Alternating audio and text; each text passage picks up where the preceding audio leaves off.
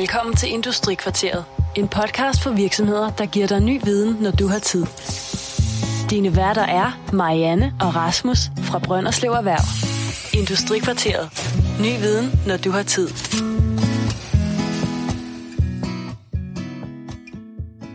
Aktualitet, væsentlighed, identifikation og sensation. Det siger avis, og den huskesætning, du skal have i baghovedet, når du skal have dine nyheder i avisen. I dag skal vi tale om virksomheder og pressekontakt med Anne Falk. Anne er uddannet journalist og har sin egen virksomhed, hvor hun hjælper andre med at blive synlige og få den positive kontakt til pressen. Så den næste time skal du spidse ører og høre på mig, Rasmus Pedersen, og primært Anne Falk, der taler om, hvordan du håndterer pressen. Velkommen til Industrikvarteret, og nu får Anne lov til at præsentere sig selv.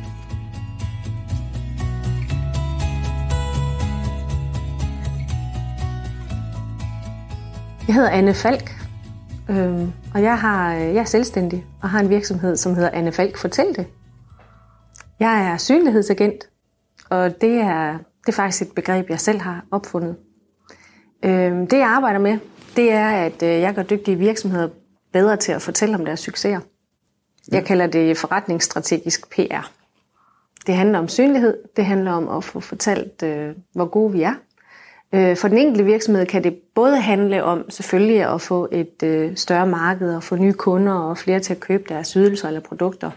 Det kan også handle om rekruttering af kvalificerede medarbejdere, som flere og flere virksomheder jo har store udfordringer med. Øhm, og det kan også handle om helt andre ting. Det kan handle om at tiltrække mulige investorer, eller i det hele taget få skabt sig øh, det, som man på moderne dansk kalder et brand, øh, for den enkelte virksomheds vedkommende, så virksomheden bliver kendt for det, som er relevant, og som virksomheden gerne vil være kendt for.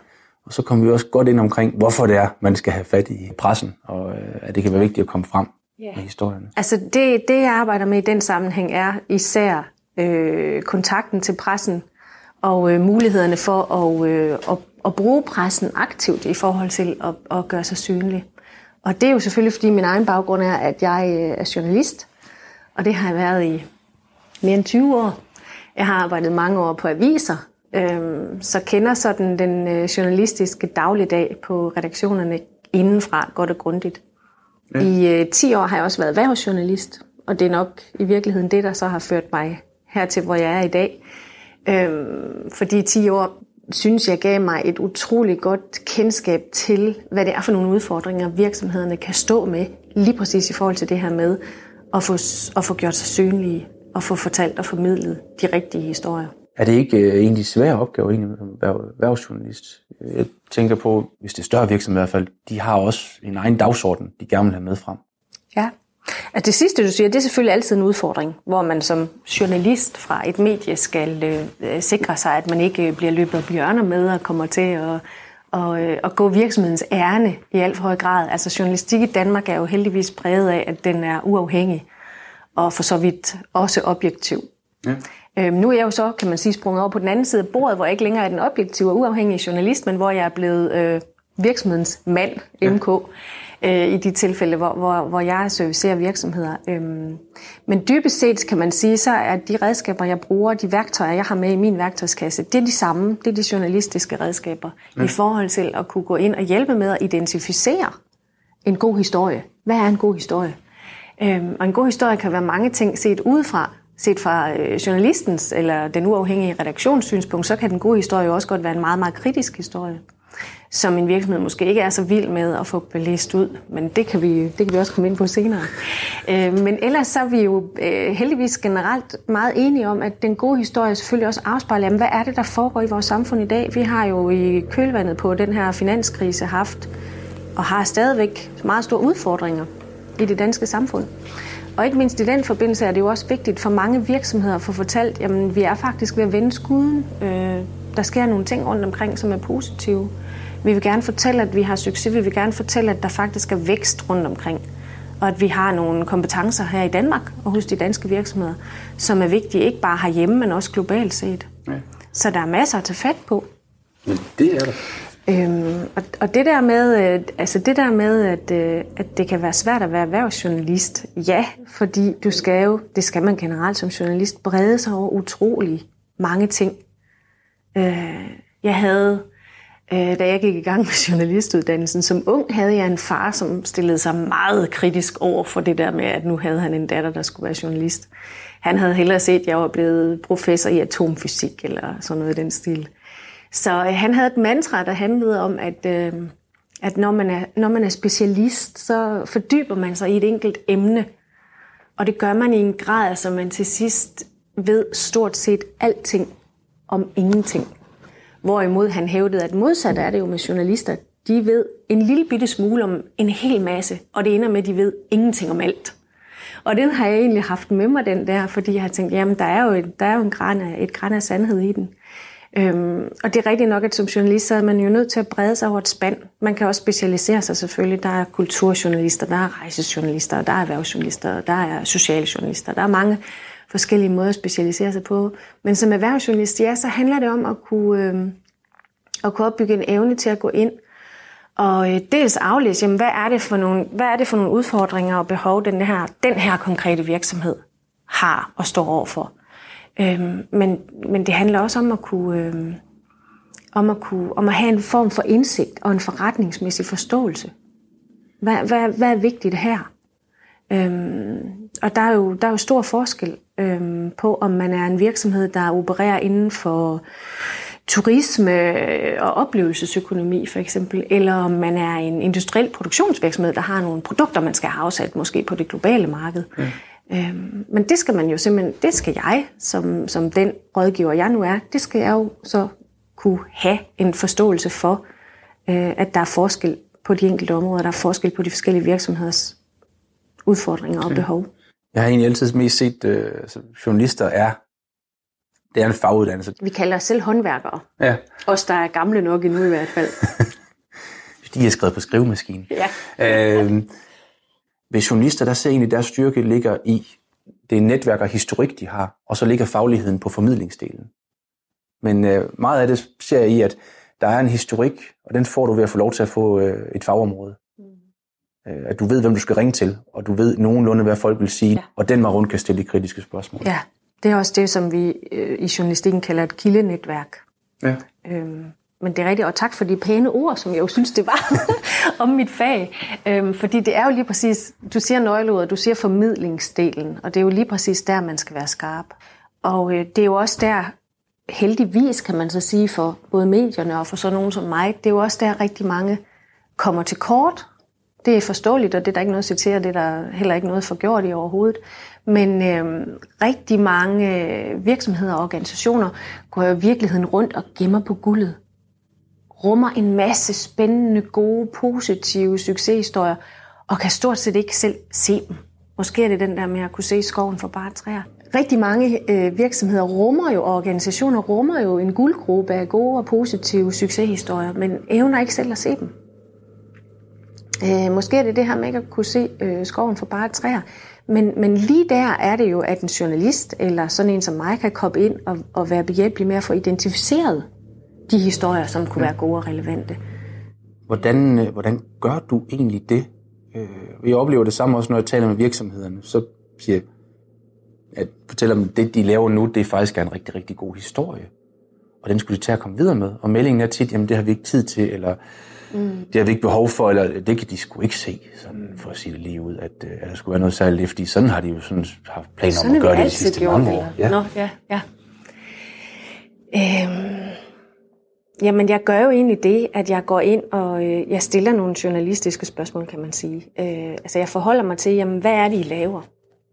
Hvad er jeres marked? Hvad er jeres afsætningsmuligheder? Hvem er jeres kunder? Hvor har I jeres styrker, og hvor har I jeres øh, mulige udfordringer? Man må jo ikke kalde noget svagheder eller problemer længere.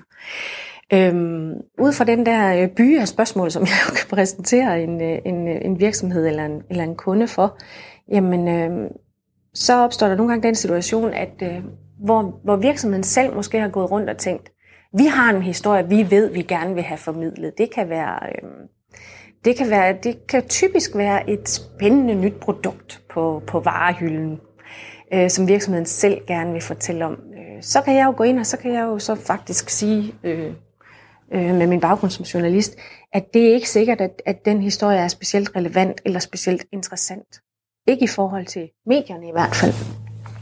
Øhm, men, øhm, men der kan, være nogle, der kan være nogle helt andre vinkler, eller nogle helt andre historier, som i virkeligheden øh, kan bære mere øh, i forhold til medieomtale.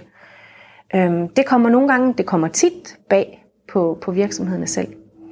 Øhm, og det, altså der kan man sige, der bygger jeg jo også en del, til dels på den erfaring, jeg har fra mine, øh, fra mine 10 år som erhvervsjournalist, hvor jeg også nogle gange oplevede, at virksomheder kunne henvende sig af sig selv for at sige, jamen vi vil gerne fortælle om, at nu, nu kan vi også yde den her service, eller nu kan vi også sælge den og den ting.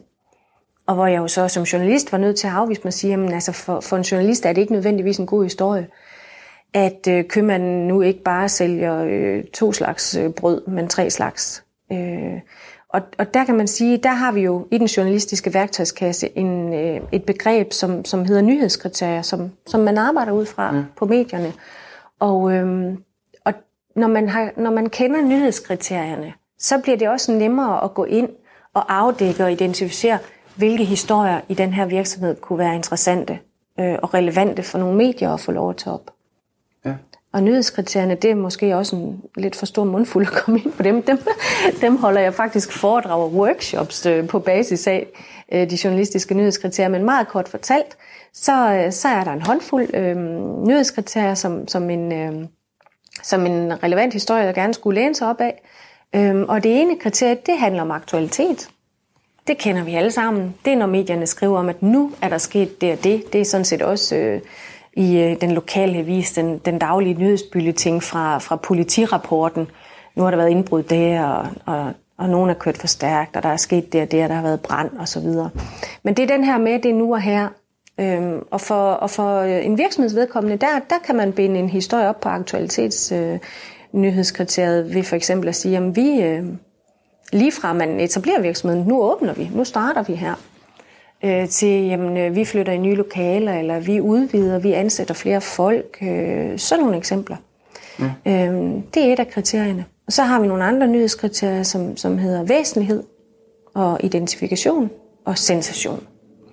Øh, og når man kender dem og kan dykke lidt ned i dem, så kan man også bedre finde ud af, jamen, hvorhen, hvorhen har I nogle nyheder, der passer ind i, under, de her, under den her hat af de her fire nyhedskriterier. Ja.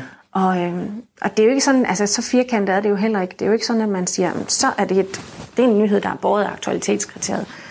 Nogle gange kan en nyhed jo godt bredes over flere øh, kriterier. Øhm, og det gør bestemt heller ingenting. Jeg vil lige vil sige, jo flere match der er, jo bedre, jo større gennemslagskraft kan den her historie være heldig at få. Jeg synes tit, der er, jeg oplever, der er en rimelig god elastik på erhvervshistorier i nyhedsværdien når det er erhvervshistorie eller mange andre historier, der gør det ikke så meget, at det ikke er fra, at det, at, at det er noget, der sker lige nu og her. Der er det mere, at det er nyt for dem, der mm. læser det. Så det du siger er, at din erfaring er, at det der aktualitetskriterie, det kan godt bøjes, og det vil jeg give dig ret i. Fordi en historie, en nyhed er jo ikke en nyhed, før den er fortalt. Men samtidig er jeg jo også nødt til at sige til nogle af dem, der så kommer til mig, et halvt år efter de har etableret en virksomhed, og så siger de, nu vil vi gerne fortælle om det, så er jeg jo også nødt til at sige, at det er altså lidt svært måske, fordi I har altså været et halvt år undervejs med den her, ja. med den her nyhed, som I jo egentlig burde have præsenteret i forbindelse med åbningen. Men så kan man måske finde en anden vinkel og hæfte en, øh, en nyhed op på.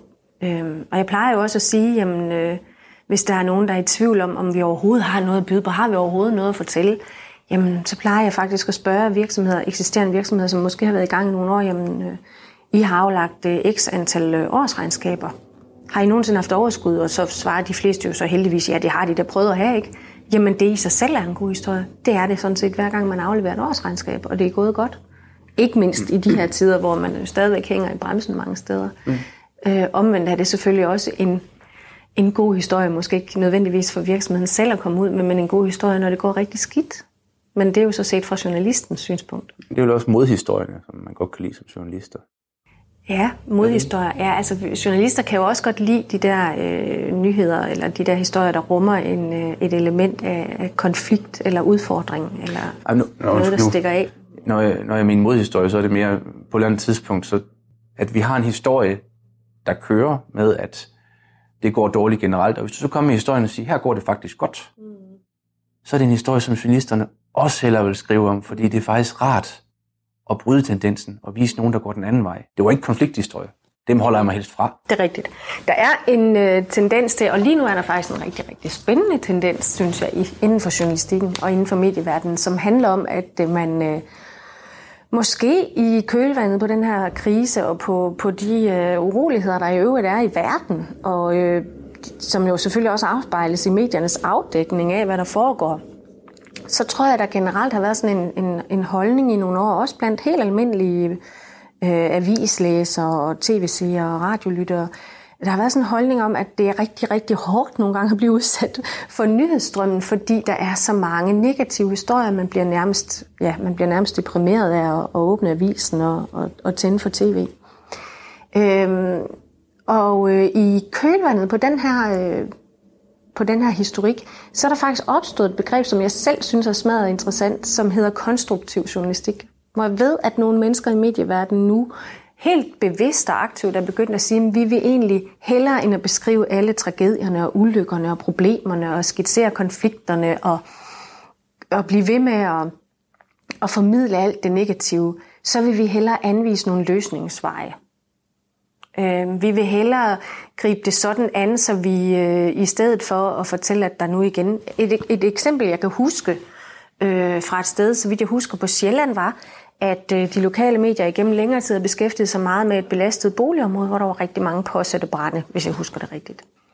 Efter i lang tid har skrevet om alle de her brænde og alle de her problemer, det medfører utryghed for beboerne, og det er jo dyrt for samfundet, og, og hvem gør det, og alle de her ting, øh, Øh, så, så, så begyndte de lokale medier at forholde sig anderledes til det, og øh, gik ind og sagde, hvordan kan vi i stedet for bare beskrive, at nu har der været en påsat brand igen, hvordan kan vi så gå ind og være med til at hjælpe med at formidle, hvordan kan man måske få løst de her problemer, hvordan kan man måske få gjort noget andet. Øh, og det lykkedes rent faktisk. Jeg kan ikke lige huske, øh, hvordan, for jeg har ikke selv sådan fulgt med og læst alle, alle de artikler, der blev produceret i den forbindelse, men jeg ved, at det faktisk endte med, at øh, det lokale medie fik en pris, en journalistisk pris på et tidspunkt, netop for at være gået den anden vej, for at anvise en løsningsorienteret formidling, der mere end at begrave sig i problemerne og kun forholde sig til at beskrive dem, handlede om at få anvist, hvordan kan vi så måske komme videre herfra. Og det synes jeg er en rigtig interessant tendens, som jo også øh, altså, er positiv set i mine øjne, fordi øh, ja, men jeg kan godt forstå, at man som, som medieforbruger i Danmark kan blive lidt træt og lidt smådeprimeret, øh, når det nu nogle gange ser ud, som det ser ud. Men samtidig så er det jo også min erfaring, øh, dels efter jeg har været erhvervsjournalist, som sagt i mange år, også efter at jeg i fem år nu har været selvstændig og arbejdet med rigtig mange interessante virksomheder, som har gang i rigtig mange spændende ting. Det er min erfaring, at der rent faktisk også sker rigtig mange gode ting. Der er grøde, der er gang i den, og vi har et potentiale herhjemme for, for vækst, som, som faktisk ikke engang har fået lov til at blive udfoldet eller formidlet helt tilstrækkeligt endnu. Ja. Så der er heldigvis masser at gå i gang med. Hverdagen på redaktionen. Nu har du selv arbejdet på en avisredaktion. Hvordan er det, når man sidder der? Der kan jeg godt forestille mig, at man skal, der skal nogle, øh, nogle artikler til at fylde en avis. Mm-hmm. Det skal der også, og man kan sige, at der er også øh, sket nogle ændringer over de senere år, fordi hvor man måske traditionelt set for år tilbage på mange nyhedsmedier havde det, havde det sådan, at man, man tog dagen, som den kom og man, øh, man, man, øh, man beskæftigede sig med de historier, som naturligt dukkede op. Øhm, det vi kalder døgnets rejsestal inden for journalistikken. Så har man øh, på rigtig mange medier over de senere år arbejdet meget bevidst med at prøve øh, i højere grad selv at sætte mediedagsordenen, i højere grad at udvikle, idéudvikle og, og, øh, og tænke i, hvad skal man sige, egenproducerede historier, hvor man hvor man selv siger, at vi vil gerne, vi vil gerne sætte fokus på noget, som, som er relevant eller interessant. Vi vil gerne køre et tema for eksempel, eller, eller grave os ned i noget, som har relevans inden for det lokale område, som mediet repræsenterer, eller, eller hvis det er niche-medier, det, det er en branche eller det område, som det pågældende medie dækker.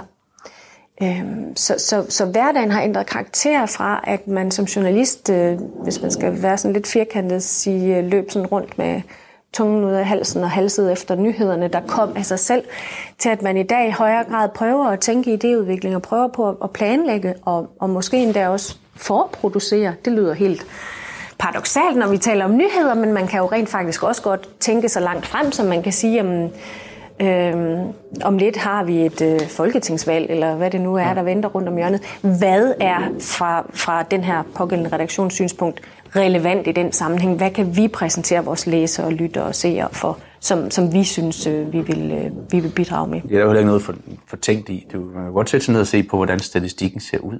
Øh, når vi taler øh, affolkning af, af landsbyer, det er jo ikke noget, der sådan er sket fra den ene dag til den anden. Det er en tendens. Så i tendensjournalistik, der er det jo logisk, at man tager de lidt større historier op. Det er der, og det bliver der heldigvis, kan man sige, også mere og mere af. Ja. Øh, rigtig mange, øh, det har medierne jo fundet ud af ved, ved læser- og lytteundersøgelser, rigtig mange af modtagerne vil jo også gerne have den der fordybelse. Ja. Øh, vil, vil gerne øh, komme, komme sådan lidt mere bag om nogle emner og, og, og blive klogere. Det er jo dybest set også det, der er mediernes funktion. At gøre folk klogere og oplyse. Øhm, så man som befolkningen i højere grad kan deltage i et øh, demokratisk samfund. Ja. Hvis man sådan skal svinge sig helt op på de store ord. Men det vil sige, at der er, der er to spor, groft sagt, på redaktionen. Øh, at den ene del er, at man sætter sig ned og kigger pressemeddelelser og politidøgnrapporten igennem, for at lave en del af avisen den vej rundt, og så er der en anden del, hvor vi har mere hen i retning af det populære hvor vi graver journalistik, mm. altså, hvor du tager fat i historierne, du selv er med ud at finde. Mm. Ja, og hvor øh, selv finder en tendens og får sat en, en, en serie i gang. Ja, og det er jo så også set fra den anden side af bordet, der hvor jeg befinder mig i dag, det er jo så også, kan man sige, lidt den, den mulighed, man har, hvis man gerne, hvis man er en virksomhed eller organisation, som gerne vil øh, formidle nogle historier igennem medierne, jamen så er der også både den, det, som jeg kalder den proaktive og den reaktive tilgang. Som, som virksomhed kan du læne dig tilbage og vente på, at journalisten ringer. Øh, man, skal være, man skal nok være enten meget heldig eller i forvejen synlig, før det sker. Men det kan jo ske i, i form af for eksempel, at der sidder et, et medie et sted, en redaktion, der er i gang med at, at lave noget dagsordenssættende journalistik. Øh, men, men de skal jo et eller andet sted kunne få øje på dig, før telefonen ringer. Og den anden tilgang, det er den der, jeg kalder den proaktive, hvor man som virksomhed eller organisation selv prøver at sige, jamen, der er nogle tendenser lige nu i samfundet, hvor vi føler, vi kan byde ind med en vinkel, som kunne være relevant her. Ja. Så, så den vender egentlig begge veje, set fra begge sider af bordet. Medierne arbejder på de to spor, og udefra kan du, hvis du gerne vil i kontakt med medierne også, på samme måde bruge de her to spor. Ja når du tager fat i en journalist, øh, hvordan gør man altså lavpraktisk? Tager man telefonen og ringer? Helt lavpraktisk, øh, nej, så skal du sgu ikke ringe, fordi undskyld. I dag er, er øh, langt de fleste øh, redaktionelle medarbejdere, de er så presset på tid og på daglige deadlines. Øh, så den der telefon, der ringer, det er en kæmpe stressfaktor.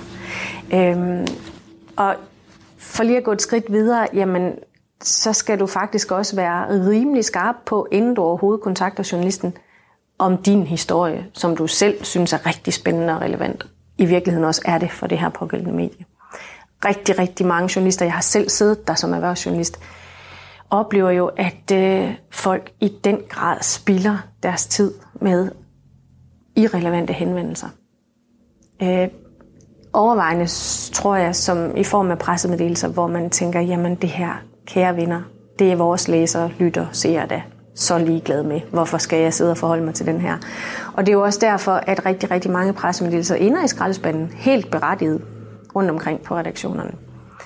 Så, så mit, mit allerførste råd vil være, jamen du overhovedet kontakter journalisten, så skal du altså virkelig være skarp på, om du har identificeret de historier, som er relevante for det her medie. Og når du er kommet igennem den hurdle, så vil jeg sige, jamen så er det allerbedste der at sende en mail. Øh, hvis, du, hvis, du har, hvis du har så meget overskud, eller er så sikker i din sag, så du kan forproducere en pressemeddelelse, så gør det, fordi så er der noget helt konkret, journalisten kan kigge på og forholde sig til. Øhm, og det er, jo også sådan, det er jo også sådan, mange arbejder i dag.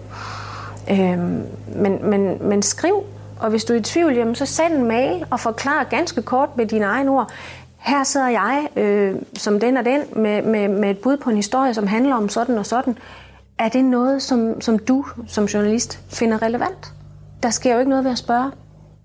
Og det er sådan set noget, måske, kan man sige, det, det mindste eller det første skridt, man kan tage, hvis man gerne vil, øh, vil i kontakt med medierne. Og hvis man er heldig, så får man også et svar. Især selvfølgelig, hvis det har vagt journalistens nysgerrighed, og, og redaktionen er interesseret i at få mere at vide.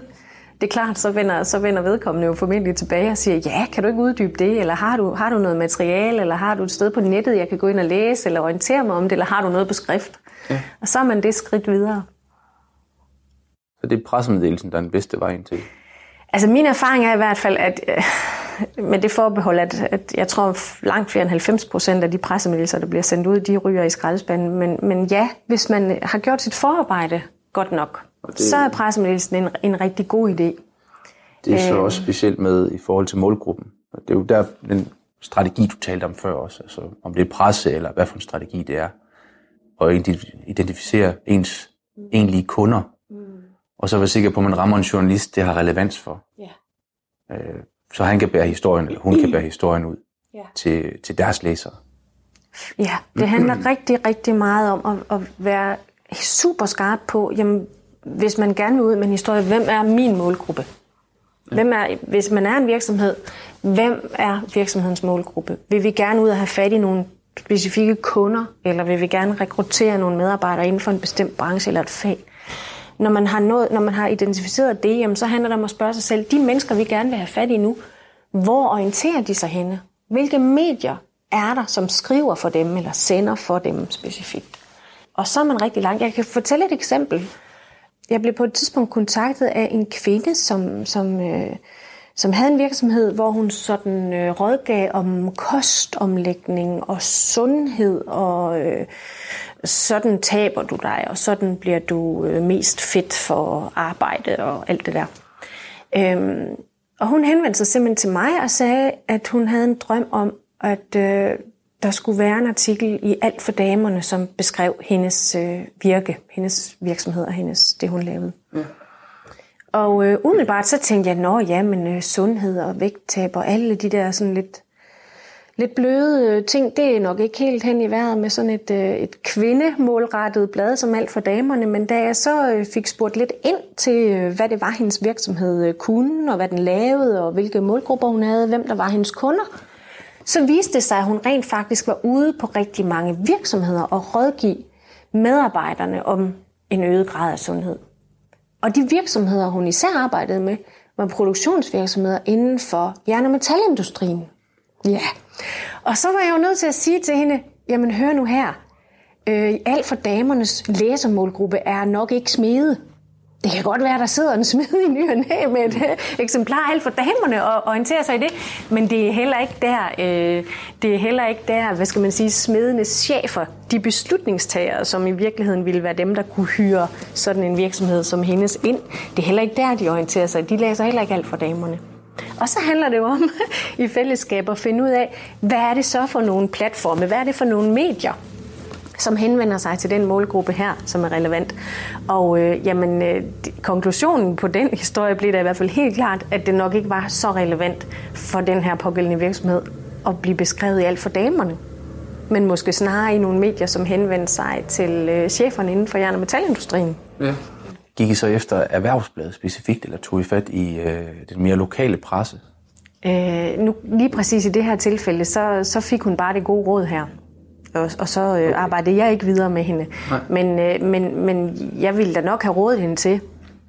Og øh, afhængig af igen, hvad er det for en virksomhed, hun har, opererer hun over hele landet, jamen så er det de fagligt relevante branchemedier, som er interessante. Og opererer hun primært lokalt, fordi det er noget med, at hun fysisk skal være til stede og, og forestå et eller andet øh, forløb på virksomheden, jamen så ville det da være den lokale eller regionale presse, der var interessant. Men mange gange udelukker det ene jo ikke det andet. Altså, så, så man kan jo sagtens... Øh, man kan jo sagtens øh, bruge en, en bredere palette ja. af medier til den samme historie, igen afhængig af, hvem du er. Men lad for guds skyld være med at genere de medier, for hvem det her ikke er relevant. Fordi det er da et, øh, en irritationsfaktor, når man som journalist sidder og modtager alt muligt, som bare slet ikke har nogen relevans for det medie, du sidder og arbejder med. Og så skal man bruge tid på, kort i hvert fald, at orientere sig, hvad handler det her om? For så derefter at slette en mail, ikke også? eller smide den i skraldespanden. Ja.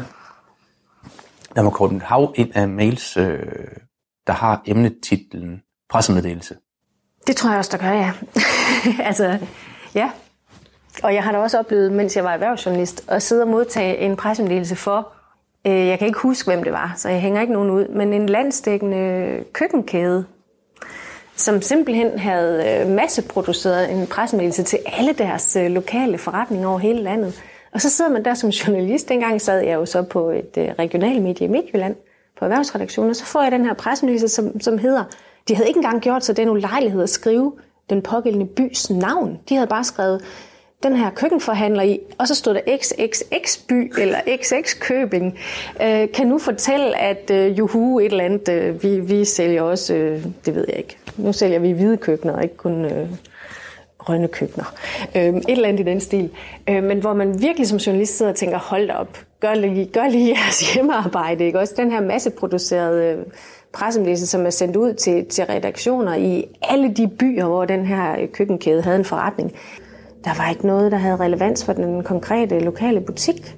Og historien som sådan havde ikke nogen substans. Så det var der sådan en, som ikke nok med, at jeg, jeg skrottede den, øh, det satte også den køkkenkæde i et, øh, i et øh, rimelig dårligt lys, fordi det var, et, øh, det var en irritationsfaktor. Men tror du ikke også, at den er gået igennem andre steder? Jeg tænker, øh, der, der er en avis, der skal fyldes. Der er også øh, netredaktion på. Øh, tror du ikke, der er nogle journalister, der har tænkt, øh, hvilket der er selvfølgelig ikke, jeg, jeg tror ikke, journalister de er, de er bedre end os andre, de er også dogne. Eller har Nej, travlt. de har bare travlt, ja. øh, det er ikke, fordi jeg er også doven.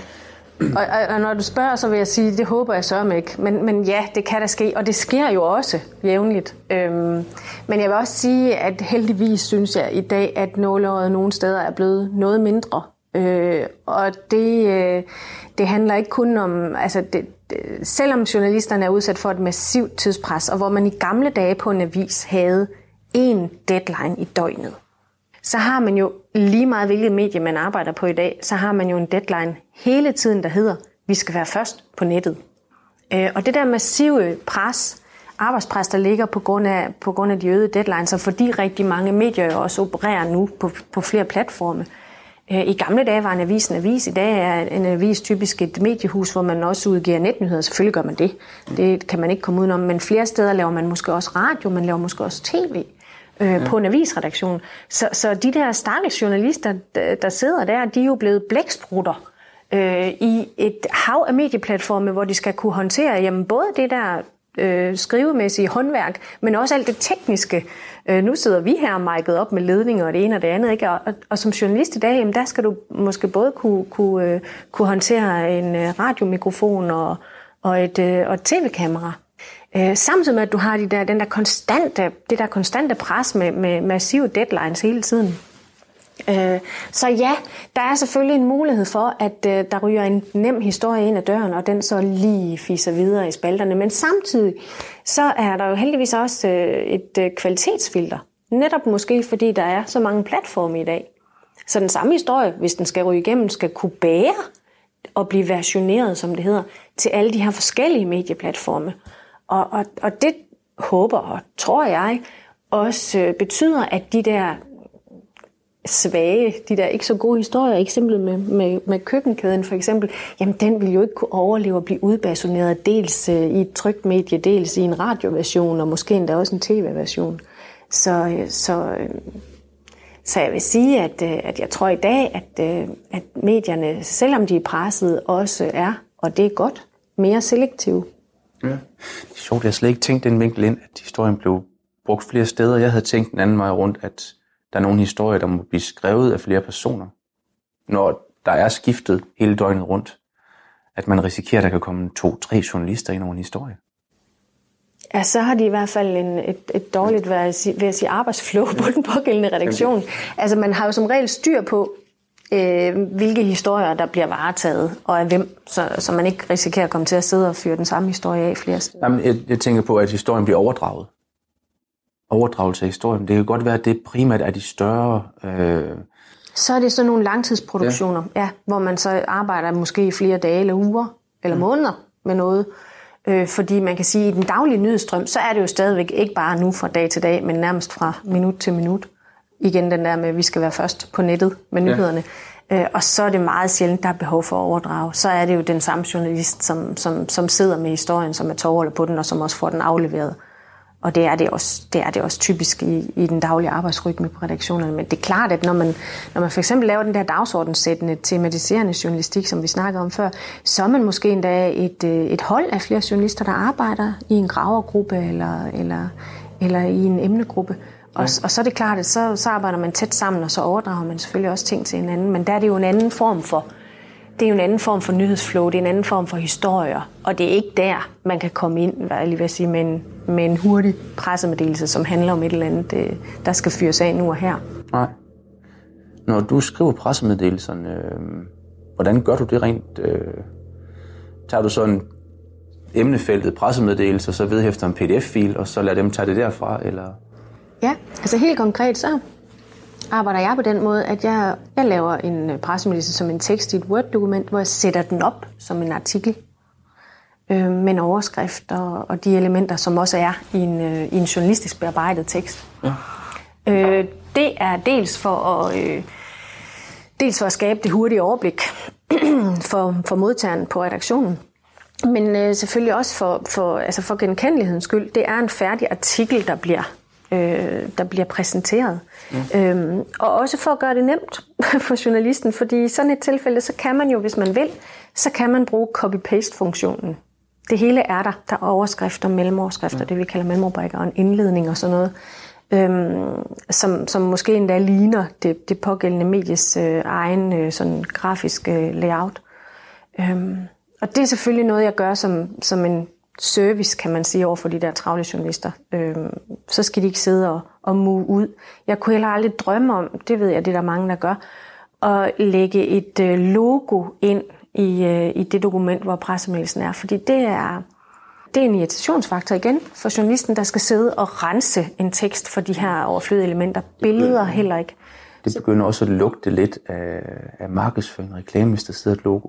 Ja, og der er ikke nogen medier, der er interesseret i at viderebringe nogen virksomheders logoer, fordi Nej. det er der jo ikke nogen nyhedsværdi i. Men for mange virksomheder øh, i dag ligger der jo sådan en eller anden designpolitik, som handler om, at de skal altid sørge for at få deres logo sendt med og sådan nogle ting. Der, der kunne mange virksomheder måske godt have lidt gavn af at vide lidt mere om, hvordan hverdagen fungerer på en redaktion, fordi det er sådan noget, som ikke bare er overflødet, men som også er et irritationsmoment. Så jeg bruger det, at jeg laver en, et, et rent Word-dokument, og det vedhæfter jeg som en fil. Og hvis der skal andet med billeder, typisk er jo en god idé, især i forhold til øh, netmedier og printmedier og trygte medier, jamen så ryger de også med som en vedhæftet fil. Og så skriver jeg selvfølgelig i øh, emnefeltet, hvad historien handler om. Og så bagefter i emnefeltet, at der er tale om en pressemeddelelse fra den og den virksomhed ja. eller organisation. Så, så man allerførst får historien eller overskriften på historien eller, eller en, en, lille, en lille smagsprøve på, hvad er det her for noget? Også fordi det er med til at hjælpe den pågældende redaktør eller journalist til meget, meget hurtigt at danse et overblik over, er det her relevant for mig? Og så skriver jeg selvfølgelig i den medfølgende mail de oplysninger, som ellers er relevante i forhold til øh, det pågældende medie. Hvis det er en lokal virksomhedshistorie, som bliver sendt til et lokalt medie, jamen, så skriver jeg selvfølgelig i den medfølgende mail, at øh, jeg sender den her pressemeddelelse på vegne af den og den virksomhed, som så er placeret i, hvor den nu geografisk er placeret, så det lokale medie hurtigt får en fornemmelse for, at det er her hos os, ergo er det måske relevant. Øh, er det ikke en lokal historie, jamen, så handler det måske om at få fortalt, at den her virksomhed repræsenterer den og den branche, så det pågældende branchemedie, der modtager pressemeddelelsen, meget hurtigt kan se, at det her er relevant for os. Så det handler om hele tiden at gøre det så klart og så let overskueligt som muligt, øhm, så journalisten meget hurtigt kan få det der overblik, der betyder, at vedkommende kan afgøre, at det her er noget, jeg overhovedet skal kigge mere på, arbejde videre med. Ja. Er det det samme, når du, nu er det meget avisvinklen? er det det samme, hvis du skal i radio eller tv? Det er det ikke nødvendigvis. Det kommer jo helt an på, altså der er jo helt specielle kriterier, i hvert fald for, for, for tv-delen, kan man sige. Som, som udgangspunkt er det jo et krav, som de siger på tv, at der er gode billeder i historien. Når man laver tv, skal man jo kunne rykke ud med et kamera Øh, og så skal der være noget at fotografere andet end øh, et billede af mand ved computer eller noget i den stil. Så, så der, skal være, der skal være noget action, og der skal være noget liv, og der skal være en, en, en anden underbygning af en historie, for at den er relevant for tv. Også øh, det, det jeg synes, når jeg ser tv-avisen i hvert fald, så er det meget, både på DR1 og 2, der er det meget case-baseret. Altså man skal have en, du skal have et navn og en ansigt og en skæbne at kunne hæfte det på. Ja, det er der nu også mange trygte medier, der synes øh, er relevant. Man ja. vil jo altid gerne have eksempler på dem, det handler om. Det for lige at vende tilbage meget kort til de nyhedskriterier, vi var inde på øh, for et stykke tid siden, så, så er det jo meget det, der handler om, om identifikationsfaktoren. Er det her noget, læseren, lytteren, seeren kan se sig selv i, i en eller anden sammenhæng, eller ikke se sig selv i? Det er jo den der med, Ej, hvor ville jeg ønske, det var mig, eller det kunne måske være mig, eller pyha, godt det ikke er mig, det der. Øh, så ja, det er altid en god idé at operere med cases, case-historier, hvor, hvor der er nogle repræsentanter, der stiller sig frem og siger, jeg er så en repræsentant for det her fænomen, eller det her tema, eller hvad det nu er, historien handler om. Og jeg oplever det sådan og sådan og sådan. Det kan være i forhold til rekrutteringsmæssige udfordringer. Det kan være, at en, en virksomhed har rigtig, rigtig svært ved at finde kvalificerede medarbejdere inden for et bestemt fagområde. Øh, lige for tiden er der jo rigtig mange meget, øh, meget højt øh, teknisk øh, profilerede virksomheder, som har svært ved at finde for eksempel dygtige ingeniører eller, eller andre teknikere på højt plan. Øhm, og så kan det være en god idé, hvis man beskæftiger sig med sådan en historie, at have et eksempel på en medarbejder, som har den øh, profil, og som øh, kan fortælle, at, øh, at vedkommende er, er glad for at arbejde på den pågældende virksomhed, fordi der er mulighed for faglig udvikling og udfordringer og sådan nogle ting. Øhm, fordi det giver altså et andet, det giver et andet billede samlet set øh, af den her historie. Altså, man skal jo ikke bare som virksomhed stille sig ud og klynke og sige, puh, vi har svært ved at få kvalificerede medarbejdere. Det handler også i høj grad om, igen, den her lidt mere handlingsanvisende og konstruktiv journalistik, og vise lidt om, jamen, hvad er, det så, man, hvad er det så, man kan få ud af at arbejde her. Ja, men det er jo også, der er jo ikke nogen, der kan lide en klynker. Når man, hvis man selv sætter dagsordenen på det, så er det jo altid rart at få den positive vinkel og få sig selv stillet i godt lys, i stedet for som offeret eller klageren, eller hvad det ellers er. Mm, lige præcis. Og det er også altid øh, min anbefaling til dem, som, som jeg rådgiver, det er, jamen, øh, den der, altså, glem hele den der negative indfaldsvinkel. Og det handler ikke bare om, at øh, vi klynker, eller det er synd for os, eller vi har det svært. Det handler også om for eksempel at gå ud og, og skælde ud på andre. Mm. Øh, jeg ved godt, at det er igen i forhold til de journalistiske nyhedskriterier, så er det sådan en historie, der kunne være rigtig interessant for mange, for mange redaktioner, men, men det der med at kaste med mudder og skælde ud på nogle andre, det, er, det giver generelt ikke et, et, et særligt godt øh, indtryk. Men det, så er vi igen tilbage til den her med, det handler rigtig meget om at få bygget det op, som man i dag vil kalde et brand. Et brand er jo mange ting.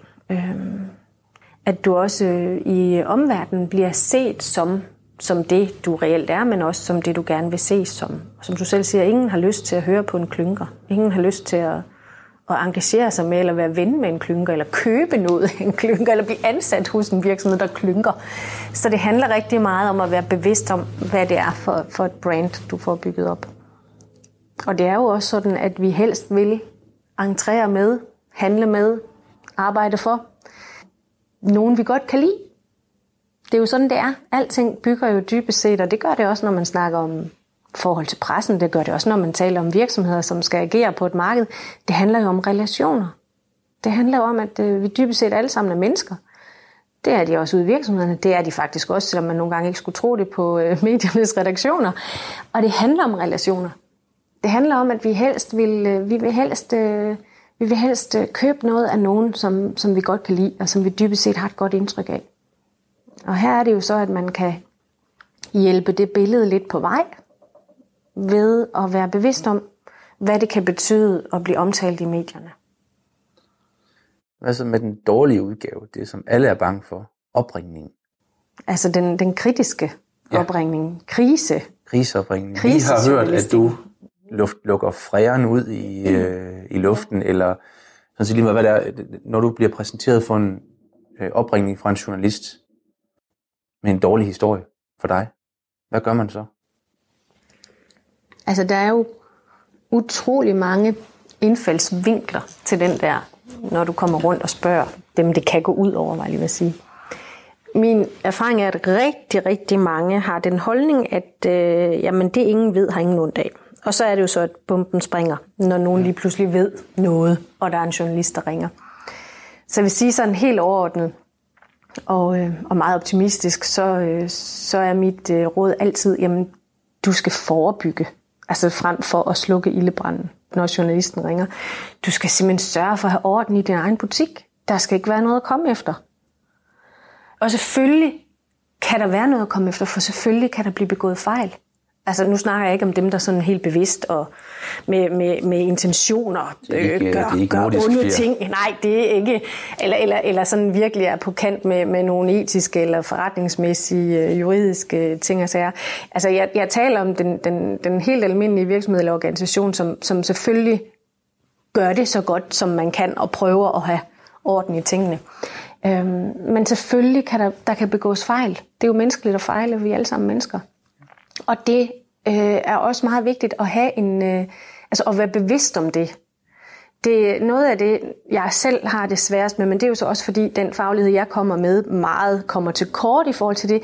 Det er de her organisationer, hvor man er båret op af sådan en nulfejlskultur. Altså jeg ville rigtig nødig være rådgiver i forhold til nogle af de virksomheder eller organisationer, hvor man ikke har lov til at fejle, og hvor man lukker sig om sig selv, hvis der sker noget. Og nu vil jeg ikke, altså man skal jo passe på med at sige noget om nogle faggrupper, men, men jeg ved, at et af de steder, som også har været øh, øh, et af de fagområder, hvor man også har set nogle mediestorme, jamen det kunne jo for eksempel godt være i forhold til vores øh, sygehusvæsen hvor jeg jo i hvert fald kan mindes, at jeg inden for de senere år har set nogle meget kritiske historier, som handler om, om læger, som begår fejl. Øh, og det, som jeg synes har været karakteristisk for de historier, jeg har stødt på, det er, at i de tilfælde har de pågældende læger og sygehusets ledelse meget, meget, meget, meget, meget svært ved at erkende, at der kan begås fejl. Så i stedet for at erkende, at man kan begå fejl og sige, hvordan forholder vi os så til det? Hvordan kan vi lære det her og sikre os, at det ikke sker igen? Så, så bliver der sådan en tendens til, at man siger, jamen sådan er det slet ikke, og medierne tager os fejl, og i øvrigt så kører der mediehets på os lige for tiden. Og det er jo, det er jo helt katastrofalt, fordi så, så bliver spiralen jo nærmest bare sendt i den forkerte retning. Ja. Det er den del, hvor man som journalist kan forestille, at man kan lukke blod. Det er, hvis der bliver meddelt, der er ikke noget at komme efter. Ja, og mit allerførste råd er jo også til folk at sige, det skal du lade være med at sige. Altså, der er ikke noget at komme efter. Øh, øh, hvis der er begået en fejl, og, og der går sjældent, øh, hvad er det, man siger, ild er en røg af en brand, uden der er ild. altså hvis, hvis der er noget at komme efter, og det ville jo være mærkeligt, hvis der ikke var det, fordi som jeg siger, vi begår alle sammen fejl, det kan, det kan stort set undgås. Jamen, øh, så står man sig da langt, langt bedre ved at som indledning være åben og sige, det kan der være noget om, men et, lad mig lige undersøge det nærmere, eller to, Øh, vi forholder os til det, og vi gør selvfølgelig alt, hvad vi kan for at finde ud af, hvad er der i det her, hvad er substansen i det. Og det næste trin er så at få sagt, jamen vi, vi vil selvfølgelig gøre alt, hvad vi kan for at et, undgå, at det her sker igen, eller lære af, øh, hvad det er, der er sket. Og så øh, skal man selvfølgelig også som ansvarlig organisation så gå ud og, og lægge en strategi på basis af det, man nu har lært eller erfaret. Og det er det, man skal formidle. Der er rigtig mange, ved jeg, øh, også mine kolleger rundt omkring, men også rigtig mange af de virksomheder, der nogle gange er i vælten, som, som er blevet trætte af, eller som siger, ja, men det råd, vi får af sådan nogle øh, kommunikationsrådgiver, det er altid, at vi bare skal lægge os fladt ned på ryggen og sige undskyld. Øh, og det, øh, det har jeg i hvert fald mødt mange reaktioner på, at det, det, det er folk trætte af. Der må være andre muligheder. Øhm, men jeg vil altså stadigvæk fastholde sådan helt grundlæggende, at man skal ikke nødvendigvis lægge sig fladt ned på ryggen, men en meget åben og ydmyg tilgang til kritiske spørgsmål og reelle problemer, det er altså stadigvæk i min optik at anbefale. Men det er vel benægt, hold kæft, eller anerkend, eller erkend hedder det. Der er de tre veje, man kan vælge. Og hvis du erkender, så er det vel, så er der mindre at komme efter. Hvis man har sagt, ja, der er et problem, vi løser det så er det svært at skrive en meget øh, lang negativ artikel omkring det. Øh, hvis folk siger, at der er ikke noget at komme efter, så, skal, så er der plads til at grave efter, og så har du en historie. Jeg vil ikke sige, altså man kan også grave rigtig meget videre selv i en negativ historie, hvor der står en på den anden side og siger, at det her, det kender vi, og det er et problem. Altså der, der, der kan jo stadigvæk være sket noget, der er så graverende, så, så, så der er grund til at, at, at bore mere i det. Men, men jeg vil stadigvæk sige igen det her med, hvad er det, hvad er det for et øh, aftryk, du sætter dig i, i samfundet og omverdenen? Jamen, du, du, du står dig da langt bedre ved at være åben og erkende, ja, der er noget her, vi har et problem med, vi skal have gjort noget ved, vi skal have rettet op på, end ved at benægte, eller hvad var det, du sagde, hold kæft. Ikke? Altså, hvis, du, hvis du er stilt, øh, ja, det, det, man, det, jeg synes, jeg kan se nogle gange, det er, at det, det kan store virksomheder godt slippe afsted med. Ingen nævnt, ingen glemt. Hvis man bare tiger stille, efter der kommer en dårlig historie, så er der medieopmærksomhed i en, øh, en uge, 14 dage. Og så, øh, så bliver folk trætte af at høre om historien, journalisterne bliver trætte af at skrive om den, for der er ikke noget nyt at skrive. Og så kan de godt have held til at lukke historien ned. Det kan være historier, hvor der ikke er noget i overhovedet. Det kan også nogle gange være, at der er lidt at komme efter. Øh, så det er ikke for at tage hensyn til tilgangen. Det er mere, at øh, store virksomheder kan godt slippe afsted med at, at lukke ned. Det er fuldstændig rigtigt, og det, og det ser vi jo også eksempler på. Og det er jo også derfor, den lever endnu, den der tilgang til tingene. Jeg har da også selv oplevet repræsentanter for større virksomheder eller organisationer i et meget øh, hvad skal man sige, kritisk mediestormvær øh, sige, Nå, men hvornår tror du, medierne har glemt det her? ikke? Og selvfølgelig, ja, selvfølgelig kan det ske, at som du siger, historien dør ud, at på et tidspunkt, så er der simpelthen ikke mere at skrive om, eller mere at, at røre ved. Men, men tit er det jo bare sådan, at, at sådan forholder det sig ikke. I nogle tilfælde, hvis der for eksempel er tale om en eller anden, et eller andet strafferetsligt forhold, jamen så går der et vist stykke tid med noget efterforskning, og så kommer der på et tidspunkt en retssag, og den kan blive anket. Altså, sager kan køre rigtig meget længere, end man selv har kontrol over. Og i den sammenhæng vil der jo altid stå nogle medier på sidelinjen, som så vil blive mindet om eller være opmærksomme på, at nu, nu sker der noget nyt, nu er der en udvikling. Så er vi tilbage igen ved aktualitetskriteriet. Om nu bliver sagen anket, eller nu bliver den taget op, eller nu kommer den for retten. Øh, så ja, du kan da være heldig, at, øh, at som stor organisation, at du kan tige en, en krise ihjel. Men, men helt grundlæggende som udgangspunkt, så er det ikke det, jeg vil anbefale. Nej. Og det er heller ikke som regel det, der man står så bedst ved i længden. Nej. Men igen, den her, altså det, det fag, jeg repræsenterer, er jo kendetegnet ved, øh, jeg er jo ikke professor i atomfysik, så der er ikke sådan nogen endelige facit øh, eller slutligninger, man kan drage. Det er rigtig meget et spørgsmål om også at kunne agere og navigere i noget, hvor der, hvor der ikke er nogen klare løsningsmodeller eller, eller præcise anvisninger på, så skal du bare gøre det og det. Så det handler rigtig meget om hele tiden at være enormt bevidst om at tage bestik af situationen og tænke, jamen hvad står vi os bedst ved her? Og når jeg siger står os bedst ved, så mener jeg helt grundlæggende, altså på den ordentlige måde, ikke også have styr på din egen butik.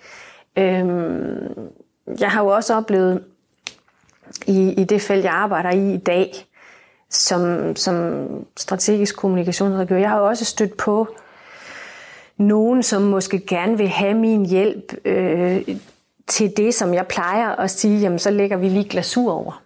Øh, og det, øh, altså, ja, det kan man jo godt. Selvfølgelig kan du pynte en kikset kage med en flot glasur, og så er der ikke nogen, der finder ud af det, før de måske tager en bid af den, eller hvad ved jeg.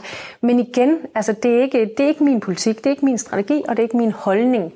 Og som jeg også siger, jeg plejer at sige, jamen jeg, altså, jeg er derhen, hvor hvis du kommer til mig og vil have hjælp til at lyve, så er det ikke mig, du skal have hjælp af. Øhm, og det kan godt være, at øh, det sorterer nogen fra, men det gør så heller ikke noget, for det er nok heller ikke nogen, jeg har lyst til at arbejde sammen med. Når øh, virksomheder i pressen, specielt øh, mindre virksomheder, de har ikke så meget erfaring med det, hvad må man så gøre bagefter? Fordi det første, man vil gøre, det er, så klipper, jeg, så klipper man artiklen ud og scanner ind, og så sender man til alle ens venner og familie og mor, så hun har noget til scrapbogen, og lægger den på hjemmesiden artiklen også. Ja, det må man ikke nødvendigvis. Alt det, du siger der. Øhm, og det er der ikke ret mange, der er klar over. Altså, vi har jo herhjemme et, øh, et juridisk begreb, der hedder ophavsret. Det er sådan noget det er noget underligt noget. Øh, det er sådan, at øh, i, i forhold til dansk ret, så, så bliver journalistik og også fotografers, pressefotografers arbejde, det bliver øh, rangeret på linje med, med, med noget, man kalder kunstneriske udfoldelser. Det er sådan, så er vi over i det virkelig kreative.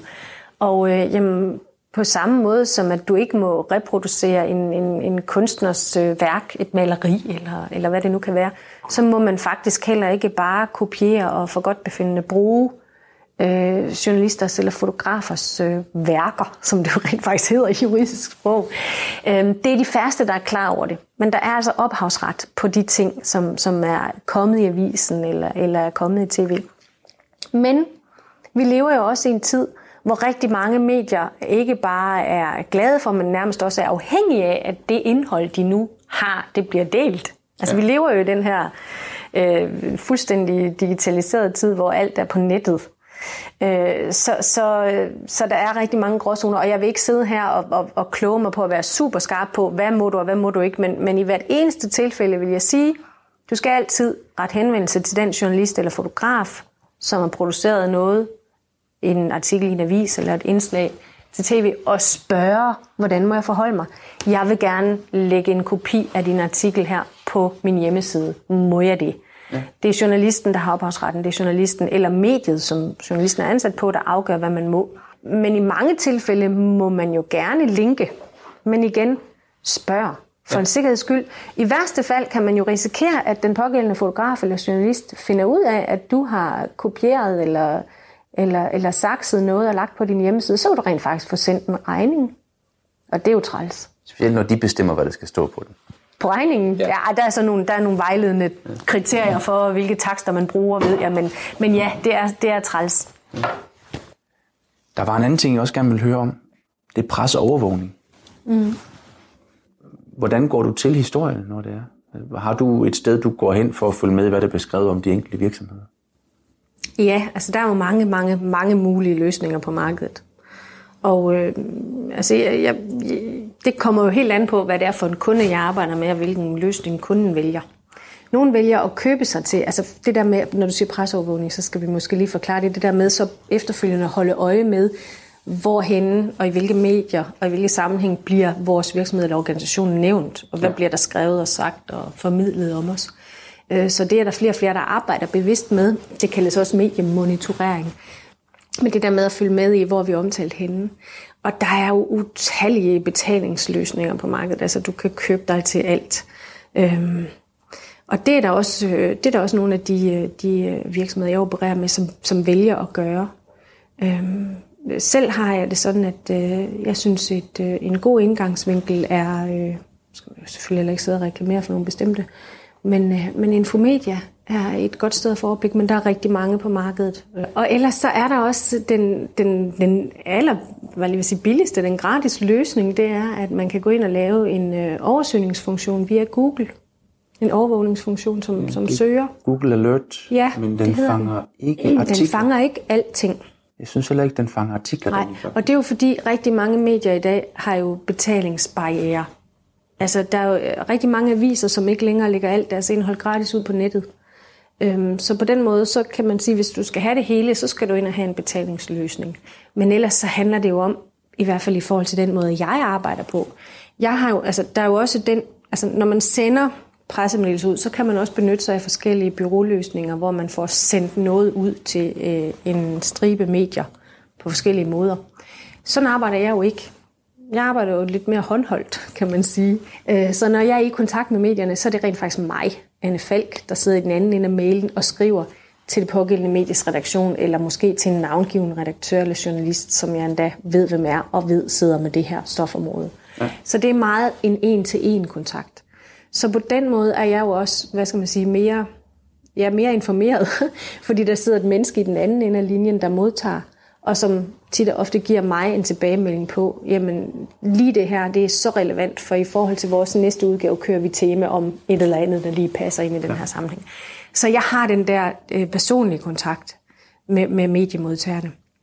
Men selvfølgelig øh, kan der være brug for at overvåge, og ja, så må man betale sig fra det. Vi bruger en kobling hos os. Øh, vi har både Google Alerts, der er blevet dårligere og dårligere desværre. Jeg mener heller ikke, den fanger sociale medier mere. Der skal man have separat overvågning på dem. Ja. Øh, så det er mest blogindlæg og hvad der skulle stå på hjemmeside. Og, meget og, og de rent netbaserede medier. Ja. Som, ja. Og man skal huske ved navne, det gør den i hvert fald ved mig, der tager den og scanner kirkebøgerne.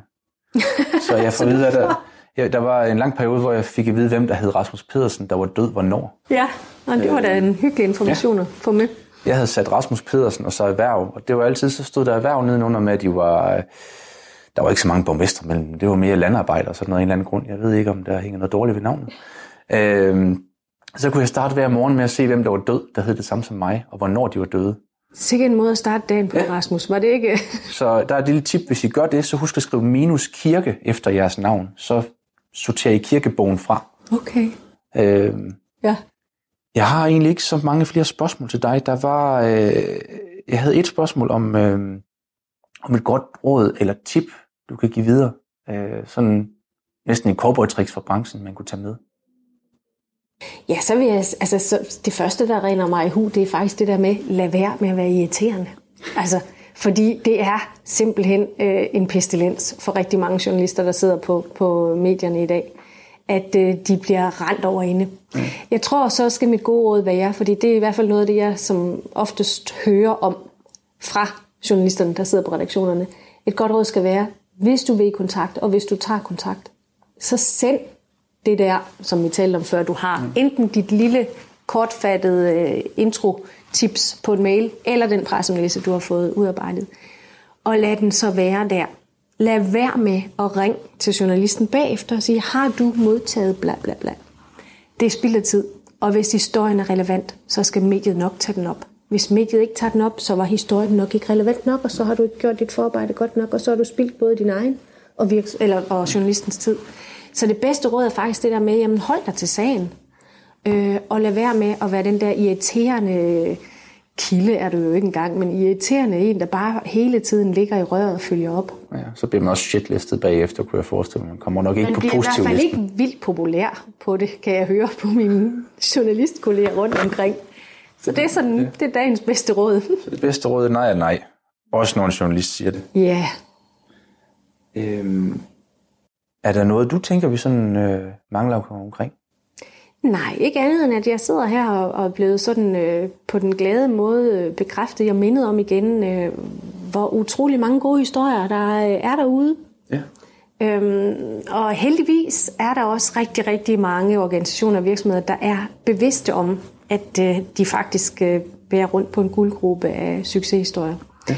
Øhm, endnu flere af dem, kan jeg så afslutningsvis sige, kunne, kunne godt komme frem i takt med, at der bliver en øget bevidsthed. Måske er der endda nogen, der hører den her podcast og bliver, og bliver sådan lige mindet om, at det er da også rigtigt, at vi har jo også, og det kunne vi jo egentlig også godt overveje. Så til dem vil jeg bare sige, jamen, go for it. Gå ud og gør det. Øhm, mange er bange. Mange har en eller anden barriere. Øh, det er ikke bare, fordi vi er i Nordjylland. Jeg synes, det er noget, jeg oplever helt generelt. Vi lider nok under janteloven herhjemme vi er ikke meget for at stille os op og råbe ud i skoven, hold op, hvor er vi gode. Øh, det er heller ikke nødvendigvis det, man behøver at gøre. Ja. Igen, det du skal, er jo egentlig bare at fortælle, hvad er det, der foregår, hvad er det, hvad er det, I laver. Og går det godt, jamen så er det jo bare en rigtig god historie. Ja. Så øh, skib den der øh, bekymring øh, for at blive alt for, hvad hedder sådan noget, udsat for janteloven. Øh, og så øh, fortæl de gode historier. Det var egentlig en god udgangsreplik. Du skal have mange tak for den her snak. Det er jo altid hyggeligt, også den her gang. Selv tak. Du har lyttet til Industrikvarteret. Industrikvarteret produceres af Brønderslev Erhverv og sendes gratis til inspiration for dig. Vil du høre tidligere episoder, kan du hente dem på brønderslevererhverv.dk eller iTunes. Der kan du også abonnere på dem som podcast. Du kan kontakte os på erhvervsnabelag 99 3x45.dk eller på telefon 99 45 52 00.